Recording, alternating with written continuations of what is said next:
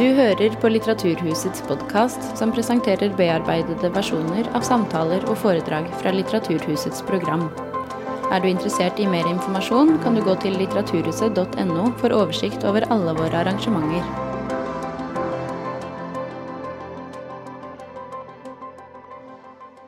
Hei, alle sammen, og hjertelig velkommen til dagens møte med Amat Levin.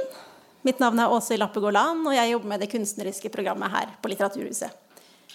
Hvordan påvirker det vårt syn på det afrikanske kontinentet og på afrikanere at lærebøker, filmer og medier så ofte framstiller Afrika som en uutviklet jungel fram til europeerne dukket opp og oppdaget og siviliserte eh, kontinentet?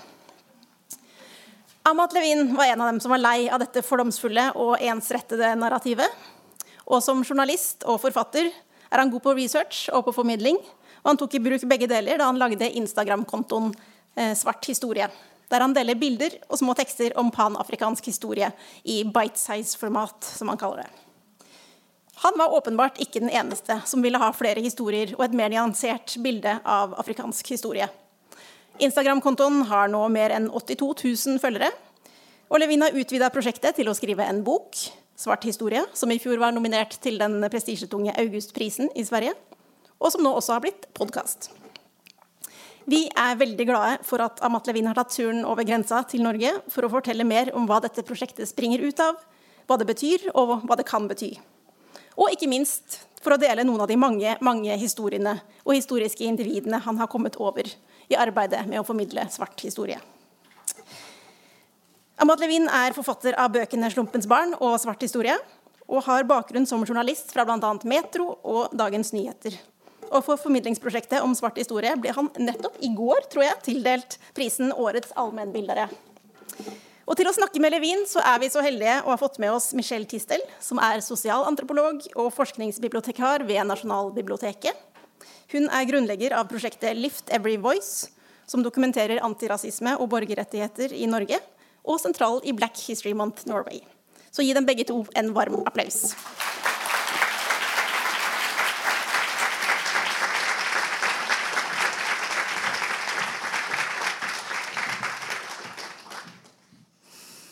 Tusen takk, Åshild og Amat. Eh, velkommen Tack så til mycket. Oslo Tack, og til tack. Norge. Det er eh, ditt første norgesbesøk. Det är mitt första besök i Norge, eh, vilket är dåligt får jag säga, för att min morfar var norsk faktiskt. Men han dog när min mamma var väldigt, väldigt ung, så jag hade ju aldrig träffat honom och jag tror att det är därför the connection inte har varit så, så stark. Men jag är glad att jag är här nu i alla fall. Bra. Ve- Vel, du er hjertelig velkommen, som du ser. Um, mitt første, et av de spørste, første spørsmålene jeg hadde, men som jeg har strøket gjennom, var hvordan har eh, arbeidet ditt blitt mottatt i Sverige? Men i går, som Åshild nevnte, så mottok du um, årets det. Så gratulerer. Tack så mycket, Ja. jätteroligt. Um, ja. Tack, tack.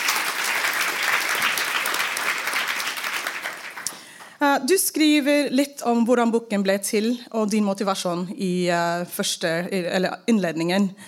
Um, men fortell oss litt, fortell de som ikke har lest eh, boken ennå, hvorfor begynte du med det større arbeidet, og hvordan ble det til boken 'Svart historie'?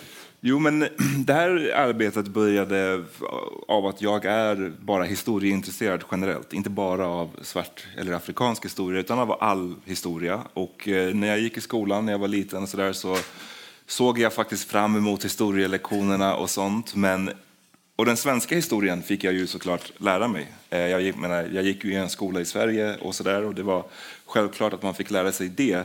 Men jag har ju också rötter i Gambia i Västafrika och jag eh, började reflektera över de här frågorna ganska tidigt. Alltså när man är svart i Sverige så möter man en del eh, saker som inte alltid är så trevliga. Det finns en del rasism man tvingas konfronteras med. Och som ung så börjar man ju såklart då ha frågor kring det här. Varför ser det ut så här? Varför eh, tycker vissa inte om en bara för ens hudfärg och så vidare. Och så vidare. Och jag tror att jag ja, men reflekterade i en tidig ålder av att jag inte fick lära mig någonting om det här i skolan. Alltså ingenting. Jag kommer ihåg två lektioner under hela skolgången och då pratar vi eh, årskurs ett ända fram till tror jag, gymnasiet. så kan jag minnas två lektioner som handlade på något sätt om svart historia.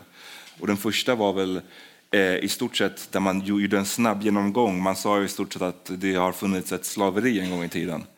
Eh, men det var inte särskilt djupgående. Och sen den andra lektionen jag minns är, och det var inte ens en historielektion utan en svenska lektion där vi pratade om Martin Luther King.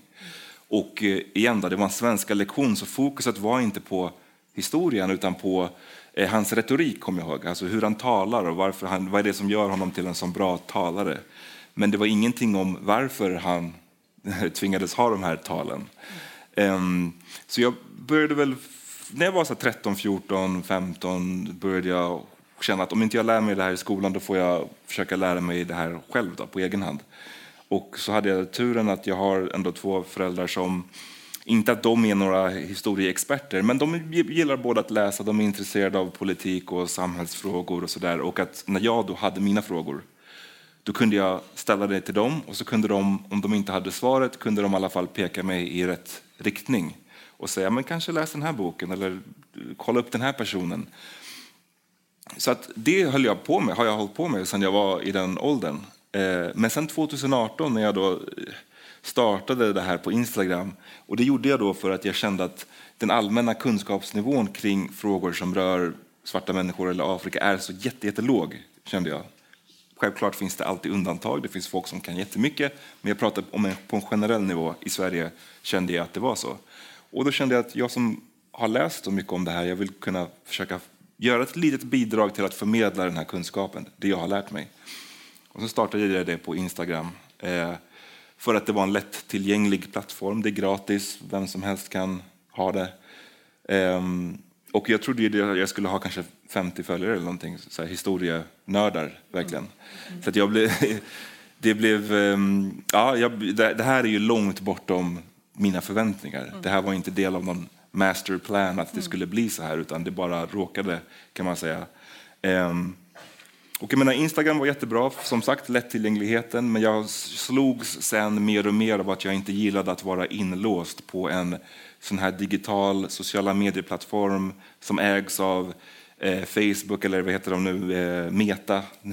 jag gillade inte, de kan när som helst bestämma sig för att lägga ner den här appen och vad händer då med allt jag har skrivit? Så jag började tänka, hur kan jag få det här materialet att leva vidare i den fysiska världen, den, den riktiga världen? Och då blev det en, en bok, kändes naturligt. Så du nämnde att eh, du började med Instagram-konto i 2018, eller med arbeidet, eh, tanken i 2018. Men eh, har, eller gjorde 2020, var det en slags katalysator? Så du mer intresse? Jag spör, jag är bara nyfiken, för jag har ett intryck av att 2020, efter George, Floyds, George Floyd blev drept, blev en slags katalysator för väldigt, mange ja. nye typer prosjekter, særlig med fokus på afrikanske perspektiver og svart historie. og svart Absolut. Men spilte det noen rolle? Eller, är intressant att du var igång med detta för 2020, det syns jag. Ja, precis. Men det är för att jag tror att jag har varit igång med det länge och det är för att jag som sagt har varit intresserad av de här frågorna. När, när eh, det som vi idag känner till som Black Lives Matter, som fick sitt genombrott 2020, alltså jag började skriva om det kanske 2013. Det hette väl inte ens Black Lives Matter då ännu. Men efter mordet på Trayvon Martin och sen så var det Freddie Gray och eh, Eric Garner och alla de här. Och i Sverige var det nästan jag var inte ens anställd på en nyhetstidning, jag var anställd på ett så nöjesmagasin där jag hade min egen blogg. Men jag valde ändå att skriva om de här frågorna trots att det inte handlade om nöje, bara för att jag var intresserad av det. Och jag kände att jag var en av ytterst få som ens eh, pratade om polisbrutalitet, amerikansk polisbrutalitet i Sverige på den tiden. Eh, så att ja, det här arbetet började jag med innan, men sen har du helt rätt i att det, det märktes ju en enorm förändring där 2020 jag skojar inte att jag, tror jag på en dag, eller två dagar, det, det, det kom 40 000 nya följare till mitt konto. Jag, visste, jag trodde det var något fel på telefonen. Jag, fattade inte vad det, som, vad det som hände, den har spårat ur. Um, men det var ju... Jag kunde bli på ett sätt lite frustrerad över det, i att folk har nu i, i decennier pratat om den här frågan. Man kan gå tillbaka och hitta tal som Malcolm X hade om polisbrutalitet på 60-talet. Men det var liksom först 2020 som det någonting, jag vet inte, det var kanske just brutaliteten i den här videon eller att det var sociala medier hade säkert en roll. Någon anledning gjorde att det blev ett uppvaknande för många människor. Eh, så, att, så precis, och då, då, exploderade ju verkligen intresset för mm. även mitt arbete. Så en annan eh, sak eh, med boken som jag vill fråga dig om är språkbruken och eh, infallsvinkeln du har valt. Fordi um, du, du, forklarer også i innledning hvorfor boken heter 'svart historie' fremfor f.eks. afrikansk historie. Uh, du bruker ord uh, som 'forslavede' i boken, uh, eller på norsk når jeg forsøker å bruke 'slavegjort', er mm. ordet jeg foretrekker å bruke. Og så tar du andre språklige grep. Um, altså Språkbruken för mig var en väldigt intressant, ett intressant aspekt ved boken. Du også introduserer begreper, og, ikke begreper, men ehm, um, vad ska man säga, ideologier som panafrikanism och så vidare. Um, var detta, är det något du tänkte bevisst på? Uh, språkvalget og begrepsbruk i denne boken? Mm. Eller er det tilfeldig? Kommer det naturlig for deg? Eller var det Nej, ett val? Det, något du tänkte? Det är ett, ett, val. Eh, man kan ju börja med titeln då, Svart historia. Och det där slogs jag ju av, eller jag har slagits av det länge, att när man plockar upp böcker om till exempel Afrika. Alltså vi vet ju alla vad Afrika är ur ett geografiskt perspektiv, alltså själva kontinenten. Men mm, så här, politiskt eller, och, och så, då, då det, märker man snabbt att det finns olika uppfattningar om vad som är Afrika. Man kan plocka upp en historiebok och då är det bara Afrika söder om Sahara som är representerad. Sen kan du plocka upp en annan historiebok, då är det hela Afrika. Och, och folk använder olika definitioner. Um, och jag kände att det som jag ville fokusera på just svarta människors historia och inte då bara i Afrika utan i de andra delarna av världen där svarta människor har haft sin historia. Så liksom Nord och Sydamerika, Karibien, Mellanöstern. Jag har något kapitel som handlar om eh, Japan till och med. Eh, så att det, det var ett sånt fokus jag ville, jag ville ha. Och anledningen till att jag ville fokusera just på svarta människors historia är för att det är den som ur traditionellt har varit mest eh, undantryckt, ned, alltså den som man har valt att inte fokusera på. Återigen, om jag kollar på min egen skolgång, när vi pratade om Afrika, då var det ju fokus på Egypten, det var fokus på Kartago med Hannibal och hans korståg mot romarriket och så vidare. Det, det, det är en nordafrikansk historia. Mm. Och jag ville då fokusera på den som har fått allra minst uppmärksamhet. Därav svart historia. Hänger det samman? Det är ett annat begrepp du brukar uh, mot slutet uh, när du uppsummerar och snackar om vad du hoppas ska ske och, och vad du hoppas folk ska få ut av boken så nämner du detta med afrofobi. Mm. Uh, och jag nämner jag igen är lite hängd, upp, upphängt i detta med språkbruk för här i Norge i som höst, sommar och höst 2020 så var det väldigt mycket snack om i vilken grad man kunde importera begrepp från USA mm. Eh, för att beskriva en norsk sammanhang eller nordisk eller europeisk sammanhang. Men det var intressant för mig att se att du har valt att bruka många ord, svenska versioner, svensk, svenska begrepp, men som på något sätt har uh, lik ord mm. som jag känner från USA. Menar, betyder det att du du tänker att, eh, ja, vad tänker du runt detta med idéer om, var det, samma typ av diskurs i Sverige eh, mm. 2020-2021 om begreppsbruk eller i vilken grad ja, eh, en men, intresse för svart historia var en amerikanisering precis. av en typ? Det är en vanlig kritik skulle jag säga i Sverige och jag kan till viss del hålla med om det. Att, att folk menar att man bara eh, kopierar saker från USA. Det, det här intresset kring Black Lives Matter, och det är många då som är Eh, aktiva i att eh, få folk att förstå hur ändå utspridd rasismen är i Sverige, trots allt. Ehm, så är det många som verkar tro att men det här gör ni bara för att det är lite trendigt nu eller för att ni vill vara som de i USA. Eh, och så är, så, så är det ju verkligen inte. Alltså, jag tror ingen håller på att prata om rasism för att det är kul. Jag skulle, alltså, det finns jättemycket roligare grejer att eh, skriva om eller prata om.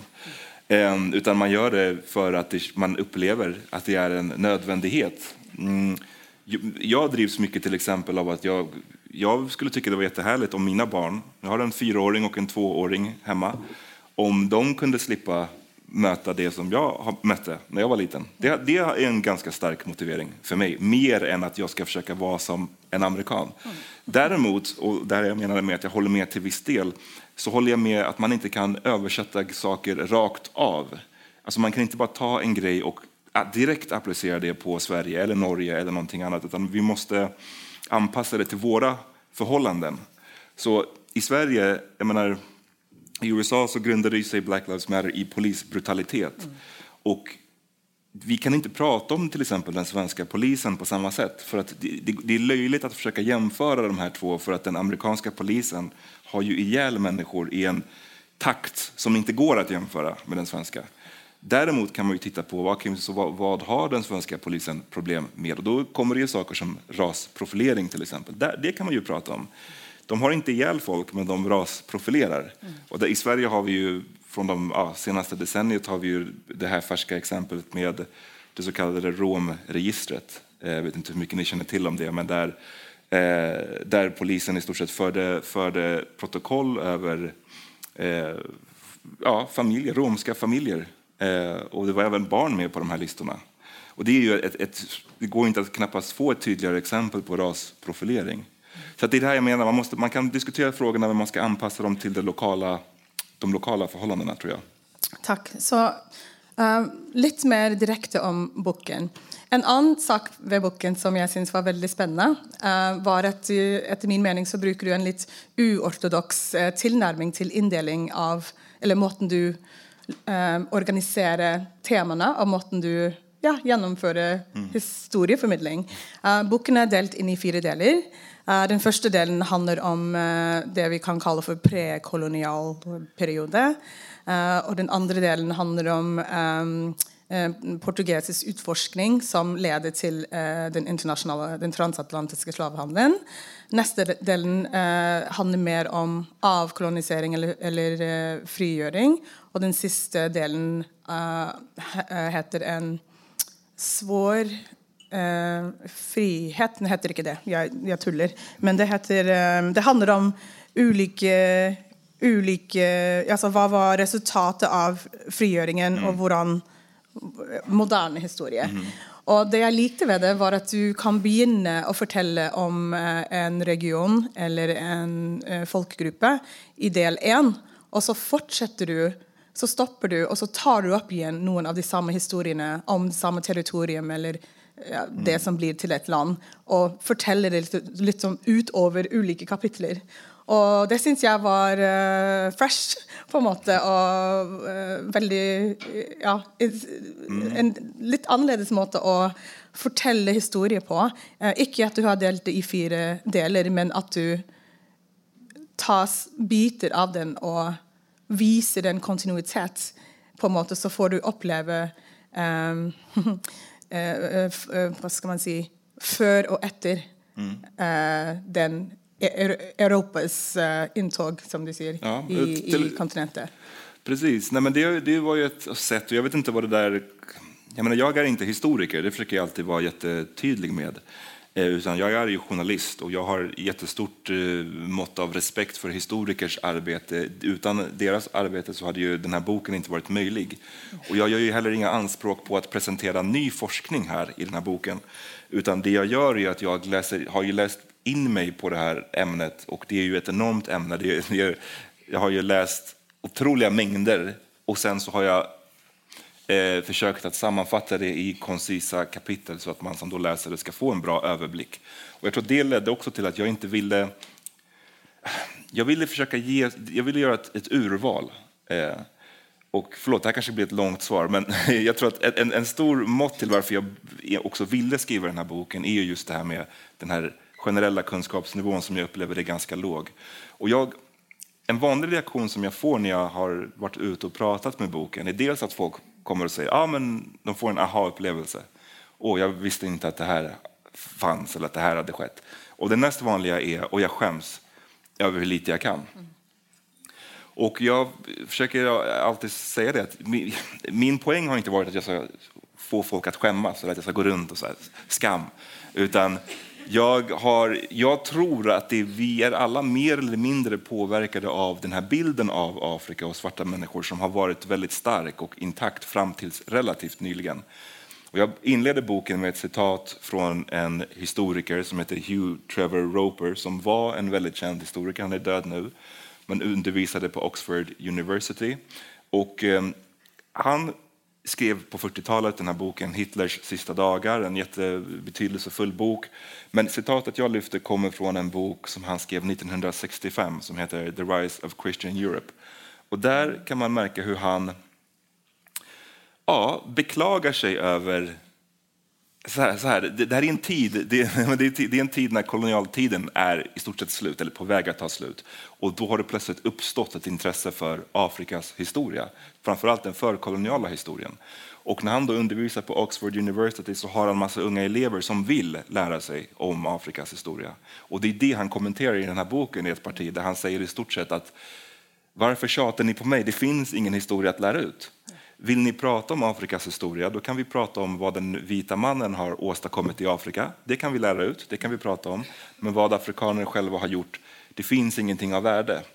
Och jag skulle säga att han var ju inte en, någon slags outsider här, utan det här är ju en, en, någon som undervisar på Oxford. Han är en, en respekterad historiker. Till, till, I mångt och mycket var det ju så här man såg på Afrika.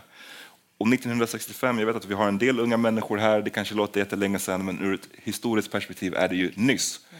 Så att, och det, här, det, här, det här blir ju såklart ett, eh, en ond spiral, för att när man då tänker att det finns ingenting, de, de har ingen historia, de har inte gjort någonting av värde, så gör man heller inga försök att försöka hitta vad som finns, och då så har man heller ingenting att visa upp.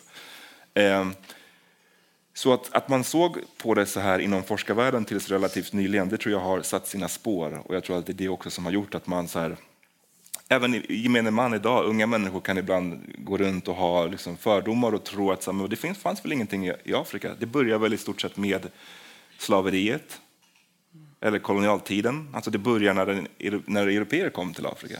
Så att det vill jag då visa, kolla hur mycket som finns. Och därför tyckte jag det passade att inte kanske välja två, tre ämnen och gå jättedjupt utan att eh, välja, göra som ett eh, collage nästan. Jag tror boken har nästan 90 kapitel. Mm. Och, en slags survey. Ja, och jag har velat då försöka hitta, arbetat mycket med en balans. Jag menar, det här arbetet är att en bok utger sig för att heta Svart historia och ska berätta svarta människors historia. Det, det är ett omöjligt uppdrag egentligen, för det, det är för mycket, materialet är för stort.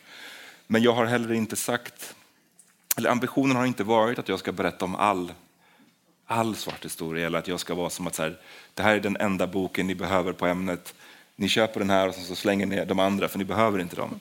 Det har inte varit poängen, utan jag har bara snarare velat visa på, skrapa på ytan och, och, och det blev 465 ja. sidor och kolla hur mycket som finns. 465 sidor, det, det stämmer. Och det, väldigt, det kommer väldigt tydligt äh, fram här, för på slutet av var historie så har du eh, anbefalt läsning om du vill veta mer. Mm. Och så har du brukt, jag går ut från att det är någon noen av de kildene som du själv har brukt mm. i boken. Mm, så det är ju också väldigt lärorikt. Om man vill utdype sig så, så ger du eh, ja, anbefalinger där. Så där kan vi gå, eh, där kan vi snacka lite om eh, del 1 och ett exempel från del 1 mm. Eh, som går akkurat på detta med vad slags historia, vad slags eh, kongerike, vad slags eh, kunst, vad, vad slags kunskap, eh, skriftspråk och så vidare fanns det på mm. Um, i den för uh, before Christ-tiden, eller mm. för Kristus-tiden. Och det exemplet som jag uh, har föreslått att vi snackar om är, är uh, kurs. Mm. Um, vad kan du, jag också är en av dessa att uh, när jag läste, ju mer jag läste, jag tänkte aha, det visste jag inte och det visste jag inte. Eller jag har hört om det, mm. men den, detta aspektet är nytt för mig. Mm. Men igen, jag är vuxen upp i Texas. Mm. Uh, och där har vi vår egen måte att göra allting på, inkluderat uh, historia. Um, så uh, si lite om kurs som ett, ett, ett, exempel som du um, Ja, ja men det, jag tyckte kurs var intressant att skriva om. För att jag tror att när vi tänker på Afrika så tror jag att de, afrikansk historia, då är det oftast Egypten man fokuserar på. Och vilket jag förstår, det är ju, finns ju så himla mycket att prata om vad gäller det antika Egypten och alla pyramider och så vidare. Men jag tycker det är intressant att det då sö strax söder om Egypten, det som idag då är norra Sudan, så fanns det ju en, ja, vad jag benämner som en slags eh, antik rival då, till, till Egypten, som hette då Kush och som brukade vara, ibland var de allierade eller, och ibland var de fiender, mycket, kanske mer fiender än, än allierade. Eh, och här fanns det ju också en, nu pratar vi liksom flera tusen år före, före Kristus. Eh, och under några perioder så var det Egypten som erövrade Kush. Den här kartan föreställer väl i stort sett eh, Kush storhetsperiod där kring 700-talet efter Kristus när Kush hade erövrat Egypten. Eh, så den här 25 dynastin av faraoner som man pratar om i Egypten, det är alltså eh, personer, utgörs av personer, kungar från Kush. Ehm, och Ja, precis. Det här är en, eh, den så kallade Western Defufa. Det är ett gammalt tempel. Det är ungefär 4000 år gammalt och som fortfarande står kvar. Ehm, jag tyckte att det var... Det finns också jättemycket pyramider i den här eh, trakten.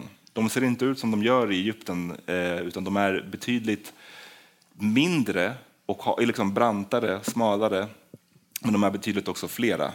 Eh, och de är också jättevackra. Tyvärr är många av dem förstörda nu, vilket är ett eh, resultat av en italiensk man som hette Giuseppe Ferlini som var där på 1830-talet och ville hitta skatter i stort sett. En skattjägare kanske man kan, man kan säga. Mm.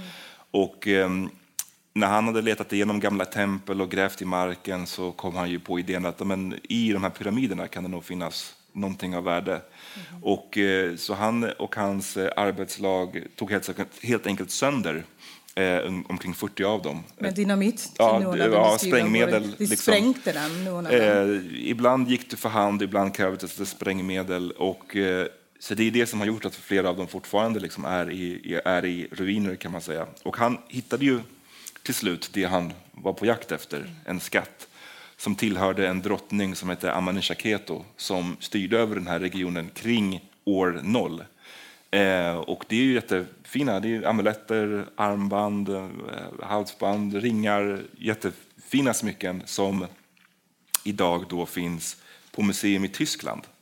För han tog tillbaka dem till Europa och eh, sålde dem. Vad skedde när han först tog dem med tillbaka och prövade att sälja dem? Ja, det sägs ju att det var, folk inte trodde att det här var från, att det, att det var fake eller att han hade hittat dem kanske i Egypten eller att det var rent av europeiska skatter för att man ansåg att det här är lite för avancerat för de här afrikanerna. De kan väl inte ha producerat så här fina saker. För det var väldigt vanskligt för honom att bli kvitt med att sälja ja, den vidare var, i en period. Precis. Så det var, det var svårt. Men det här är ju, tycker jag, jag gillar, eller jag tycker historia också är fascinerande när det säger någonting om, om om idag. Och jag menar, det här skedde ju, de här skatterna är ju flera tusen år gamla. Eh, de stals eller plundrades på 1800-talet, men än idag så förs det ju en diskussion om de här skatterna. I Sudan vill man ju till exempel ha tillbaka dem. Mm. Och det är ju någonting som försiggår nu över hela Afrika, där man vill ha tillbaka sina kulturarv, som det, det mesta av det då plundrades på 1800-talet under kolonialtiden. Eh, det har ju skett en hel del framsteg nu bara de senaste åren i det här. För traditionellt har man från ett europeiskt perspektiv varit väldigt sådär att man inte vill ge tillbaka det. Man har sagt, och det, det kan vara alla möjliga anledningar. Det kan vara att allt ifrån att ja, vi har inte råd att skicka tillbaka det till vi, ni kommer nog inte kunna ta hand om det om vi skickar tillbaka det. museer och goda rutiner på kulturvärn. Mm. Mm. Och, och att ni kan få låna den ett tag, men sen vill ha tillbaka det. Har alla möjliga olika sådana förklaringar. Ehm, men det har börjat ske lite, lite mer nu de senaste åren och jag tror att det kommer återigen då, efter 2020 ehm, så har det sporrats nya diskussioner kring det här. Och jag tror att en fransk, kom en fransk studie för inte så länge sedan som slog fast att eh, över 90 procent av Afrikas kulturarv finns utanför Afrika. Så det är en hel en hel del. Det kommer krävas, jag, jag tvivlar på att det, det kommer ju aldrig bli så att allt återlämnas. Men kanske man i alla fall bör få till en lite mer jämn balans. Uh, från samma kapitel så skriver du om uh, som senare i uh, historien till kurs att uh, att ledaren um, kappet av hodet av en av statuerna i Egypten och de gravde den ned um, och så blev det funnet igen. Mm. Um, och så nu är den också i det brittiska museet. Mm. Ja. Det var uh, också en väldigt intressant historia också på grund av det med statuer och att till och med då um, det var en symbolsk, uh, en symbolsk handling för att visa makten överför, eller, eller att de inte um, var helt uh, under, mm. ska man säga, kunde domineras av Egypt. Att mm. de drog dit och kappade av huvudet mm. av en staty och tog det med sig tillbaka. Så statuer har alltid varit viktiga eh, objekt för eh, symbolisk våld mm. och för att eh, göra om, eh, si något om maktförhåll. Ja, sant? Det är inte bara 2020 att statuer eh, har blivit viktiga. Nej, precis, det stämmer. um, ett annat exempel som vi tänkte att snacka om är um, Haiti. Mm. Uh, och varför Haiti är ett så eh, fascinerande exempel. Mm. Eh, vad betyder det för dig? Vad... Jag tror att den här, Haiti skrev det ganska mycket om i boken. Eh, för att det är ett sånt himla intressant, eh, eh, intressant historiskt exempel, tycker jag. Jag, menar, när vi, jag vet inte hur det är här i, i Norge när, när ni pratar om typ den transatlantiska slavhandeln, vad det är man fokuserar på i min upplevelse i Sverige så är det så att man, din, 99 procent av tiden så är det fokus på den amerikanska södern. Eh, och det kommer ju av, jag skulle säga att det kommer av filmer mycket. Alltså vi har, eller Rötter gick på tv på 70-talet, vi har ju massa böcker på ämnet, filmer som Amistad eller 12 years a slave. Vi har blivit exponerade ganska mycket för just den amerikanska, det amerikanska slaveriet. Och jag menar, det är ju bra det också. Det är, jag säger inte att det inte är viktigt att lära sig om. Men jag tycker att det också finns ett värde i att titta på, inte bara på USA, utan titta på andra delar av världen. För att man pratar ju idag, den moderna uppskattningen är ju att ungefär 12,5 miljoner afrikaner eh, förslavades som del av den transatlantiska slavhandeln. Men eh, och det här är kul, för jag, jag pratade, jag har en, min bästa vän är en, är en amerikan från eh, Miami och jag frågade honom det här att liksom, om, av de här 12,5 miljonerna, hur många tror du hamnade i USA? Och hans gissning var, jag vet inte, 10 miljoner kanske? Eh, men den verkliga siffran är att ungefär mindre än 400 000 importerades till USA. Eh, den, den, absoluta majoriteten kom ju till Brasilien där vi pratar om ungefär 5 miljoner eh, afrikaner. På andra plats är det de olika öarna i Karibien. Och då, då, då, pratar vi om länder som Barbados, eller Kuba eller, eller Haiti. Och det som är viktigt med det här, varför man måste, måste prata om allt, det är för att det såg inte likadant ut överallt. Det hade ju sina lokala... Eh, ja, det präglades av, av liksom hur, hur, det såg ut precis där. Och jag tycker att Haiti är intressant för att det brukade vara... Eller när vi tänker på Haiti idag så är det nästan alltid negativt. Det är bara i alla fall i min upplevelse. Det är nästan bara det är fokus på fattigdomen och korruptionen och det är nu senast var det ju jordbävningar och presidenten som mördades. Det är bara, bara, bara negativt. Ehm, och jag tycker att det är intressant att ställa det mot det historiska, där Haiti, som det brukade vara förut, kallades för Saint-Domingue. Och det var ju en fransk koloni som på 1600 och 1700-talet var den rikaste kolonin i hela det franska imperiet. Eh, och den var, lyckades bli så rik på grund av, mycket på grund av sockerodlingarna. Eh, socker är ju, jag menar, precis som idag, vi är ju besatta av socker fortfarande. Och eh, det här var ju jättevärdefullt att kunna framställa socker. Och till det, att kunna framställa socker, eh, så använde man ju slavarbetare. Förslavade människor från Afrika som fick slita på de här fälten. Eh, och man brukar säga att ungefär Eh, hälften av allt kaffe och eh, ungefär en tredjedel av allt socker som vi konsumerade här i Europa kom från eh, Saint-Domingue, den här förhållandevis lilla kolonin. Då. Ehm, och det här bidrog, jag menar, socker är en sån himla jobbig växt att arbetar med. Den är väldigt slitsam och det sker ju i, i det här tropiska klimatet. Hettan är ju det är jättevarmt. Eh, Så att det här bidrog, på grund av hur hårt arbetet var, så bidrog det till att man började se på förslavade som förbrukningsvaror. Och det, det är ganska stor eh, skillnad på hur det var i USA, där man jag menar, USA är ett så himla stort land. Det fanns så mycket olika saker man kunde som förslavad person arbeta med. Och vissa av de här, jag, menar, jag försöker inte säga att det var enkelt. Det är aldrig enkelt att vara en förslavad person. Men i jämförelse med socker, att stå på ett sockerplantage är det säkert var det enklare att vara eh, anställd i, i, i någons hushåll till exempel. Um, och, och, I USA så var det mycket som att man såg på de förslavade som en investering kan man säga. Att om du är Tänk dig att du är en fattig bonde i den amerikanska södern. Du kanske samlar ihop pengar rätt länge för att ha råd att köpa en förslavad människa. Då ligger det ju i ditt intresse att den här personen ska leva så länge som möjligt så att den kan jobba för dig så länge som möjligt.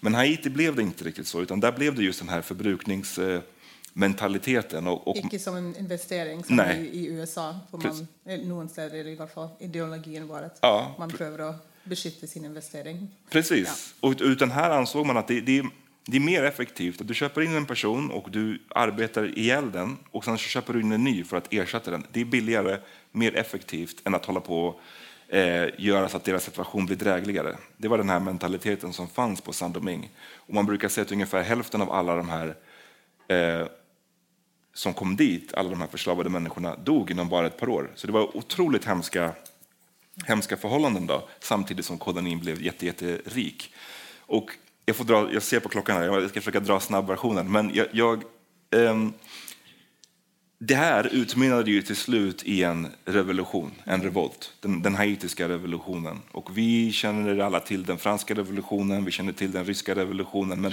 den haitiska är också viktig. Och den gick till så att de förslavade som eh, utgjorde ungefär 90 procent av befolkningen på den här tiden. Eh, vi pratar liksom skiftet nu mellan 1700 och 1800-talet. De gjorde uppror mot sina franska herrar och eh, kastade ut dem ur den här, den här kolonin. I processen så försökte länder som Storbritannien och Spanien lägga sig i, men de blev också besegrade eh, i, den här revolten. Och det utmynnade ju till slut i att man faktiskt eh, lyckades. Man frigjorde sig. Man fick också ett eget, man skapade sig ett eget land. Och, och det är det som också har fått det här att kallas för historiens främsta slavuppror. För det här är vadå, i stort sett första gången som de förslavade människor inte bara lyckats frigöra sig men också skapa sig ett helt eget land. Mm. Och där någonstans så är det ju som en Hollywoodfilm på ett sätt, tycker jag, eller en sån här feel good story. Att de, ja, de var slavar och nu är de fria, de har sitt eget land, punkt. Men det var ju inte punkt, Nej. utan ja, vadå, 20 år senare eh, så kom ju fransmännen tillbaka. Eh, och under den här perioden som hade gått så hade ju Haiti ställts inför ett stort, stort problem och det var att man inte blev erkänt som, ett, som, ett, som en stat, som ett land. Och mycket av det handlar ju om att för de europeiska kolonialmakterna så såg det ju inte bra ut att det helt plötsligt fanns ett land här av före detta förslavade. Det, det kan ju vara jättedålig inspiration för förslavade människor i Brasilien, i USA. Mm. Så man vill inte erkänna det här landet. Eh, men Frankrike kom tillbaks eh, och sa att vi kan faktiskt erkänna er Eh, men då behöver vi bli kompenserade för den ekonomiska förlusten på grund av att vi förlorade eh, vår egendom. Ehm, och då kan man ju tänka sig att egendomen har att göra med eh, plantagen och verktygen och allt sånt här som användes. Och det var det ju också, men det var ju främst människorna. Alltså människorna hade varit fransk egendom och nu var de inte det längre, så därför behöver vi få betalt. Och den franska flottan var ju utanför Saint-Domingue eh, samtidigt som de här förhandlingarna fördes. Eh, och man ansåg ju från haitiskt håll att man har inget annat val här nu än att skriva på det här. Och man tvingades betala 150 miljoner franc. Det säger kanske inte så mycket idag för, för, för oss, men det var en, en, en helt astronomisk stor siffra. Jag citerar några journalister från, från England som på 1800-talet kommenterade, alltså när det här skedde, så kommenterade de den här siffran.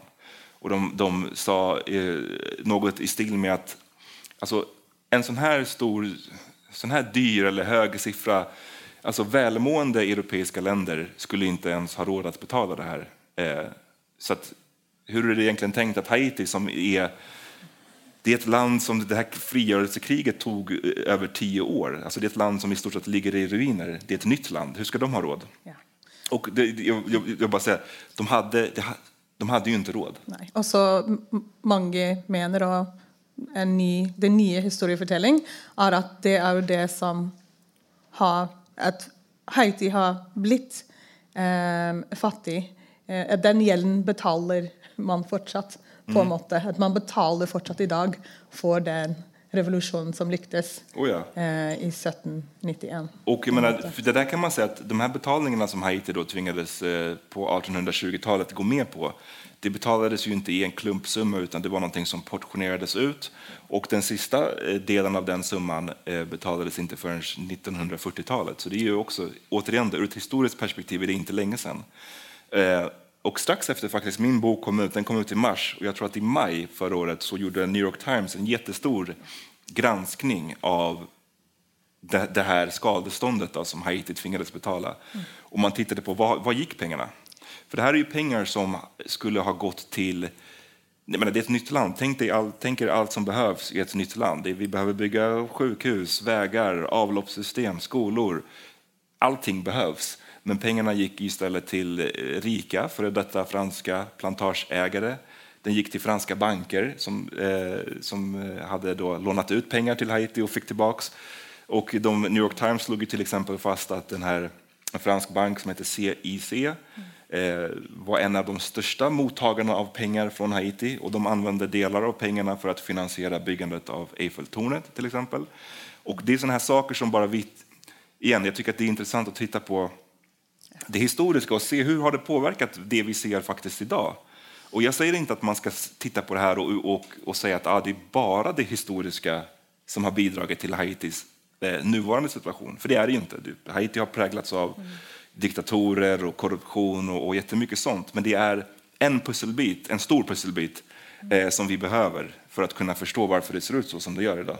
Ja, och det tar oss eh, till de två sista exemplen som vi ville ta upp idag. Och eh, um, en röd tråd på en måte genom boken, i varje fall från andra till den eh, sista delen, eller andra och tredje delen, är hur många resurser som tas ut av uh, kontinenten och från mm. svarta människor och den överföring av uh, både resurser och värderingar och plus, plus, plus, plus.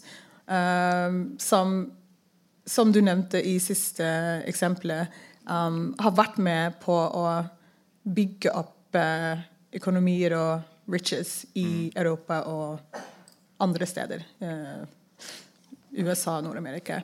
Ett, ett annat, uh, kort sagt, är att um, du snackade om hur dessa sakerna ser ut sett från Norden eller från Sverige och Norge. Det finns ett um, ehm, forskningsprojekt som heter Slavery North mm. av en professor som heter Charmaine Nelson och hon är från Kanada. Och det projektet ser eh, uh, precis på hur så kolonitiden och slaveriet ut i nordliga land som för exempel i, i Norden och i Kanada. Och det är ett väldigt intressant eh, projekt. Jag tror mm. du vill ha stor glädje av att följa mm, det. Mm. Så Grattis. nästa exempel um, har också lite med det att göra och det är om uh, kung Leopolds Congo Free State.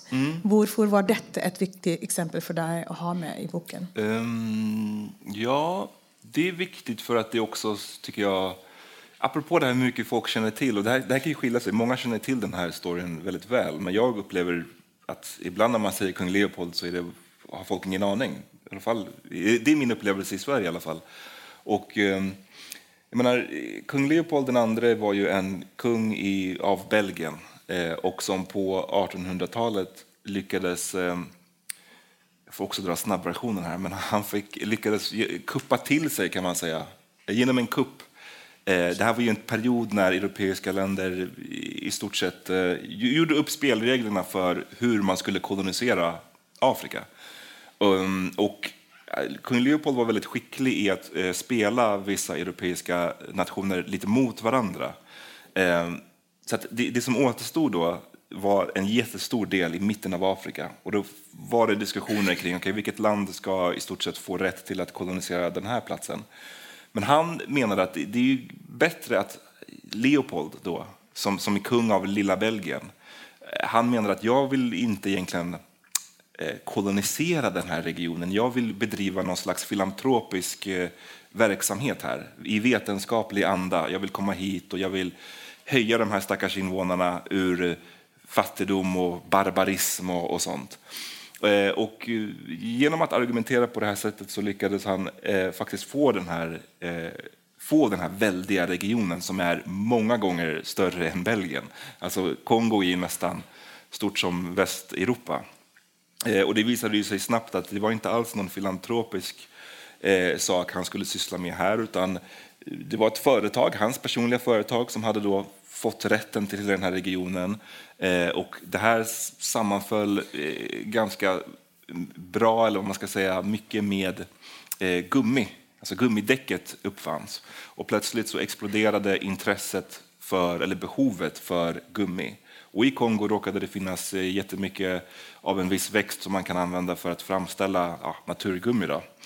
Eh, så att där insåg han ju snabbt att det här finns det mycket pengar att tjäna och eh, i stort sett hela befolkningen kan man säga blev tvångsarbetare eh, och fick i uppdrag att ge sig ut i djunglerna och samla så mycket av den här gummit som det bara gick. Och man samlade det genom att eh, klättra upp i rätt höga träd och eh, tappa liksom, eh, träden på den här då flytande vätskan och det finns väldigt hemska, hemska vittnesmål från det här. För att det var inte så att, menar, hade man tur kanske man fick en hink med sig eller någonting. Men det var inte så att alla ens fick det. Utan då fick man försöka samla den här vätskan genom att smeta in kroppen med den. Och sen så stelnade den. Och sen när du kom tillbaka då så fick du skrapa av den. Och då, där finns det ju mycket beskrivet av hur, hur hemskt den här processen kunde vara. Det följer med, din hud följer med när du skrapar av det här. Eh, och det var en otroligt brutal, otroligt brutal behandling eh, som de här människorna utsattes för. Eh, det finns ju bilder ni kan googla om ni vill se det här. Det, det, det, man vill inte bli överraskad av sån, sån bild bara sådär, men det finns för den som vill se. Det är ju mängder av människor som då har fått sin, sin ena hand avhuggen för att man inte uppfyllde gummikvoten. Eh, så det här var ju en enorm eh, lidande som drevs av någon slags eh, kapitalistisk motor. Där allt, det handlade inte faktiskt om att vi ska utrota den här folkgruppen, utan det handlade ju om att man ska tjäna så mycket pengar som möjligt. Och en, en bieffekt av det var att väldigt många människor dog. Och man brukar ju säga att det fanns, man uppskattade att det fanns ungefär 20 miljoner människor när kung Leopold tog över den här regionen och när han var klar så fanns det 10 miljoner kvar. Det är alltså en halvering av befolkningen eh, 10 miljoner människor som strök med i den här jakten då på pengar. För eh, ja, pengar, kapitalism, industrialisering, mm. eh, Europas växt och industrialisering. Så igen med detta med människolidelse byttet mot eh, resurser ja. och och jag tycker det var intressant. Du var inne på det här med statyer förut. Och jag menar, jag tycker att, varför jag tycker också att Leopold är så intressant är för att man tittar på mm, det här som hände i Kongo det blev faktiskt en skandal till slut. Han var tvungen att eh, göra sig av med kolonin och han gjorde det genom att sälja den till den belgiska staten. Så han tjänade ju faktiskt pengar in i det sista på den. Och belgiska staten tog över den i början på 1900-talet och drev den sen fram till 1960. Eh, men det blev en skandal kring det här och, och, och, till och med andra europeiska kolonialmakter tyckte att det här var faktiskt att gå ett steg för långt. Eh, men är man i Belgien idag så kan man ju se mängder av statyer på kung Leopold. Och eh, I Belgien var han känd som byggarkungen för att han lät bygga så himla många fina byggnader. Alltså allt ifrån eh, det finns, om ni är i Antwerpen någon gång så finns det en jättefin tåg. Eh, centralstationen där är jättevacker, flådigt byggd. Kungliga trädgården, allt det här byggde han och till stor del då finansierad av pengarna som han fick från Kongo. Så han var känd som byggarkungen. Och när man tittar då på de här olika statyerna i, i Belgien så står det det står ju liksom ingenting om att han är, har haft ihjäl 10 miljoner människor. Det står saker som att eh, kung Leopold, eh, eh, den som civiliserade det mörkaste Afrika. Det, det, är den typen av texter som det står. Och jag tycker att i 2020, vi pratade Black Lives Matter, då, då blev det en stor kampanj om att vi måste flytta de här statyerna, vi måste ta bort dem. Mm. Och för att I Belgien finns det också många människor som har kongolesisk bakgrund och för dem är det som nästan en spottloska i ansiktet varje gång de går förbi den här statyn. Men ehm, då var det många som menade nej, vi kan inte, ta bort en staty, det handlar om politik, vi kan inte göra politik av vår historia. Men jag tycker att, återigen då, varför historia är så intressant för mig, är att man då måste förstå att det var också historia, eller det var politik, att sätta upp statyerna en gång i tiden. För att, som jag var inne på, det här blev en skandal. Alla visste vad kung Leopold hade gjort. Men statyerna som idag står i Belgien, de flesta av dem är uppsatta efter, långt efter. Eh, de är uppsatta med full vetskap om att han hade haft ihjäl 10 miljoner människor. Och så varför gjorde man det då, om man är Belgien? Jo, men för att försöka ja, men romantisera kolonialtiden. Man vill inte skriva om det hemska som har skett, man vill hellre skriva om att kung Leopold byggde tågräls i Kongo eller han civiliserade eh, de här stackars barbarerna. Liksom. Det, det, vill man ha med.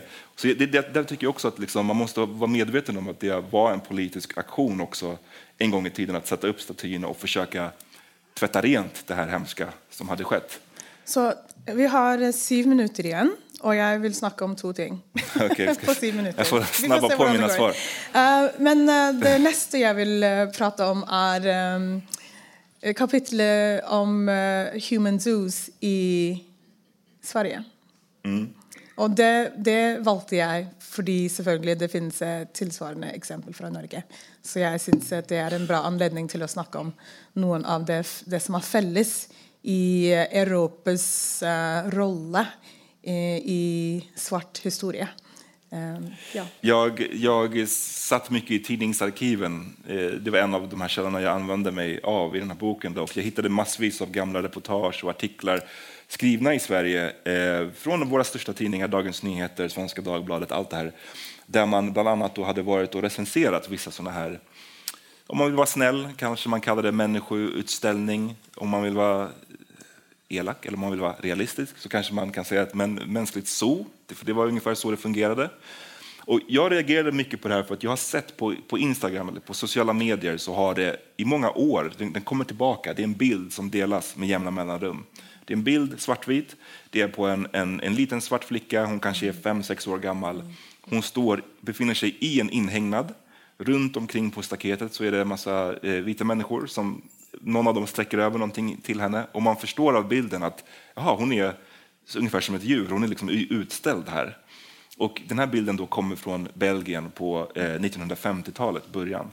Och den här bilden brukar alltid i Sverige, alltid när den delas så brukar folk tänka, ah, men de här jäkla belgarna alltså, de, eh, hur kan de hålla på så här?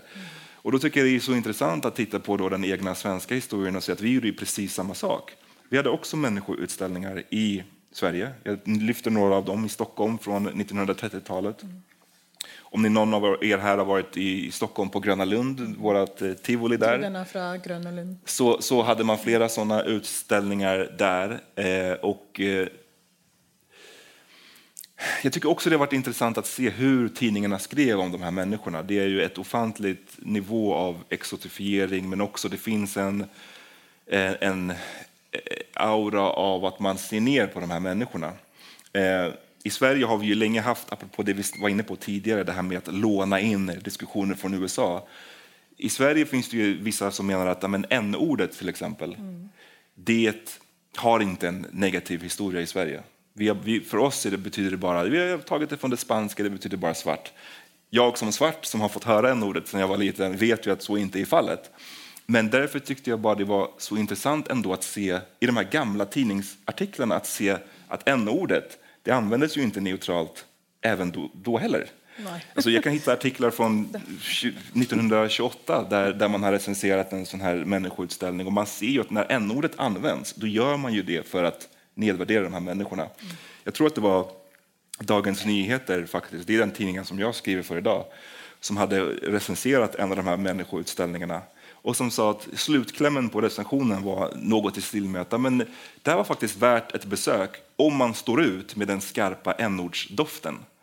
Och det tyckte jag var så talande också för hur man då ser på de här människorna. Så säger man ju inte Alltså det, det, är inte ett neutralt sätt att beskriva människor på. Här är exempel från Norge i 1914, från eh, en utställning, en jubileumsutställning eh, i Frognerparken som lite mm. parallell till eh, ditt exempel från mm. Gröna Lund. Um, så det jag vill avsluta med är det tema med moderne slaveri. Eh, fordi du avslutter boken med en veldig sterk historie. Jeg må si at eh, jeg satt også så på CNN, og jeg så den reportasjen. Det var Neima Elbadi, en kvinnelig journalist som var i Libya och gjorde en reportage om eh, salg av människor som är på flykt eller människor som ja, har, eh, migrerat från olika delar av Afrika och försöker å sig till Europa, men som havner i De är på väg till Mediterranean, men de hamnar eh, i Libyen. Och det var en väldigt komplicerad historia av hvordan, varför så många mennesker um, havner i Libya.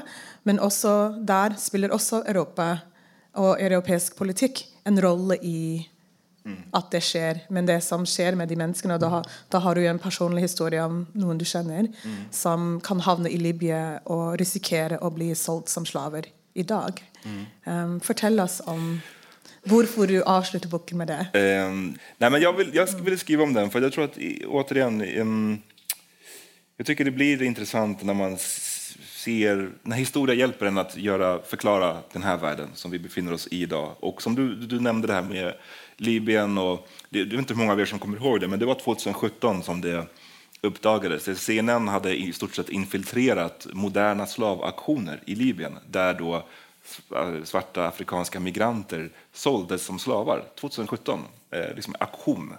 Eh, och det här skrevs mycket om i Sverige. Och man, man skrev eh, mycket om hur, kom det här, hur kommer det här sig? Vad, vad, vad beror det här på? Man, man hittade alla möjliga förklaringar som också är, är sanna och, och, viktiga. Det var, ni, ni vet, det var inbördeskrig, kaoset efter Gaddafi. Det finns massvis av olika förklaringar till varför det här var, skedde. Men en sån förklaring som jag saknade var ju varför det var just svarta migranter som såldes som slavar. För det här är ju en, en, region där också migranter från typ Syrien och vissa av dem också kunde röra sig, men det var inte de som, som såldes på det här sättet. Och då saknade jag då, återigen det här historiska perspektivet. Nu har vi pratat mycket om det transatlantiska slaveriet, men det finns ju en lång historia i den muslimska världen också av att ta svarta afrikaner som slavar. Och det är ju någonting som, en tradition som man kan då se jag skriver om det här mycket mer djupgående i boken, jag, jag hinner, känner inte att jag hinner gå in, in på all, alla detaljer, men, men, man kan ju i stort sett se det som en tradition som har då väckts till liv i kaoset i Libyen. Så så har den här, det, det, det ligger liksom närmare att ta en, en, svart afrikan än att ta någon annan. Um, och jag hade ju ett, ett, eget exempel från det här. Att jag har en barndomsvän från Gambia som var väldigt eh, illa ut och som var väldigt nära på att hamna i just det här ödet. I Gambia så har man ett uttryck som heter the back way eh, för många unga som framförallt för ett par år sedan när Gambia fortfarande styrdes av en diktator. Det var många som kände att vi har inget, ingen framtid i det här landet. Vi måste försöka ta oss härifrån. Det kunde vara så att hela, en hel familj, alla samlar pengar för att en person ska ha råd att göra ett försök och ta sig till Europa. De som lyckas får direkt pressen på sig att nu har du ju kommit till Europa, skicka hem pengarna. Är, nu är du ju rik, du kom till Europa, men så förstår de kanske inte alltid hur svårt det är att vara, komma som invandrare hit. Så, så det är en väldigt tuff grej. Men det här backway kommer ut av vägen som de förslavade, eller förslavade som, som migranterna tar. Och det är ju från Gambia då, som ligger i Västafrika så tar man vägen eh, liksom, ja, men genom Senegal, genom Burkina Faso, eh, Mali, upp över Sahara eh, och sen in i Libyen. Och därifrån Libyen, för att det ligger så nära eh, typ Italien och så, där, så försöker man hoppa på en båt och, och, och komma över. Eh, och, ehm, han blev ju, var, lyckades ju ta sig ombord en sån här gummibåt och eh, de blev då stoppade när de fortfarande var rätt nära kusten av den libyska kustbevakningen som då tog med sig eh, alla de här migranterna och eh, satte dem i ett fångläger inne i öknen. Och eh, det var i stort sett, alltså, cellerna som de hade utgjordes av containrar. Och ni kan bara tänka er i en sån här ökenvärme vad, vad det blir för tillvaro. Mycket misshandel, mycket eh, av den typen av saker. Och många av de här eh, liksom fångvaktarna, det sägs att det är libyska kustbevakningen, men det kan lika gärna vara någon milis. Det är väldigt oklart. Och många av dem drivs ju av att tjäna pengar. Så det kan vara så att eh, han beskrev hur han hade flera vänner till exempel där de ja, migranterna misshandlas och de uppmanas att ringa hem till sin familj i deras hemländer och be familjerna skicka pengar då till de här fångvaktarna. Och så hör de ju samtidigt hur de blir misshandlade i, genom telefonen. Ja, hur som helst, min vän då klarade sig för att han hade lyckats spara ihop, han hade sparat ihop tror jag, då, 200, 200 euro som han hade då, som skulle vara hans startkapital i Europa. Men det, det eh, räckte som en muta till de här vakterna, så de släppte honom. Eh, varpå han eh, befann sig i någon av de här eh, libyska staderna, städerna och eh, jobbade ihop pengar på nytt. Och sen gjorde ett nytt försök ombord en sån här gummibåt och till slut då, Eh, lyckades faktiskt ta sig över eh, till Italien. Ehm, men det var ju just det här när man hamnade i, i deras förvar, det var ju där det kunde gå lite hur som helst. Hade du tur, som min då vän, då hade man pengar och man kunde betala sig ur. Men hade du otur, ja, då kunde du hamna på någon av de här i stort sett slavaktionerna där du kunde bli uthyrd till, till libyer som kunde tvinga dig att jobba på, var vanligt att jobba på antingen eh, byggen, alltså bygga hus eller bygga olika saker, eller eh, på odlingar. Eh, så det är ju, jag tycker bara att utan det här historiska, då, förstår, då är det återigen det är som en, ännu en pusselbit som fattas om man inte känner till den här historiska traditionen av att förslava svarta afrikaner i den här regionen. Du nämner också något om uh, europeisk uh, invandringspolitik och hur något som kanske har slått lite fel i förhållande till att uh, det kan missbrukas lite av Kan du säga lite om akkurat det du mm, ja, det är... antyder på? Det, är, det sägs att också the Coast Guards är med på att vad ska man säga, att de inte räddar folk nödvändigtvis, men någon gånger tränerar de och det är orsaken till att folk hamnar i dessa fångelärarna. Mm. Ja, men precis. Det, det, är ju väldigt så eh, grumligt och, eh, och allting det här. Men absolut att EU har ju absolut en roll i att det här fortgår för att man har ju i, genom åren nu förflyttat våra ambitioner är hela tiden att förflytta gränserna bortom Europa så att man inte ska behöva ta hand om immigranter här utan att det är, vi ser ju till och med extremare exempel på det, folk som vill flytta migrationsprocessen till Rwanda eller, eller sånt. Det har ju både England och Danmark eh, diskuterat. Men Ja, men precis. Och, och jag menar, den, den libyska kustbevakningen mottar ju ganska mycket pengar från EU. Också utbildning eh, för att kunna då förhindra, eller hjälpa flyktingar är ju den officiella förklaringen.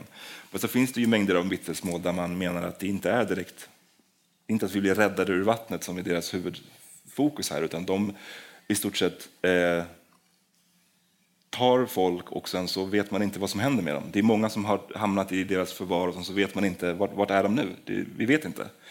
Så det, det, är någonting som jag tror man ska vara man får jättegärna läsa på om den om ni tycker att det låter intressant. Det här tycker jag är en av verkligen sån, eh, ja, verkligen ett av de mer mörka kapitlen inom EU idag tycker jag. Väl, vår tid är brukt upp, men jag syns det är gott brukt. Um, och du skriver mot slutet här att du hoppas att boken inspirerar många olika läsare. Jag hoppas att den boken blir pensum i många städer. Jag syns det passar väldigt bra för många olika typer läsare, mm. unga. Um, jag har min kopia. Jag hoppas att ni också skaffar er ett exemplar. Mm. Tusen tack för oss. Tack så mycket. Tack, tack.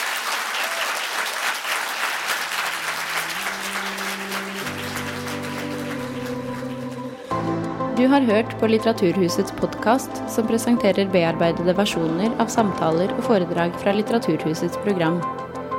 Del gärna podcasten med familj och vänner via iTunes eller Soundcloud om du liker det du har hört. Följ oss också på Facebook och på litteraturhuset.no för information om flera aktuella arrangemang. Musiken är laget av Apotek.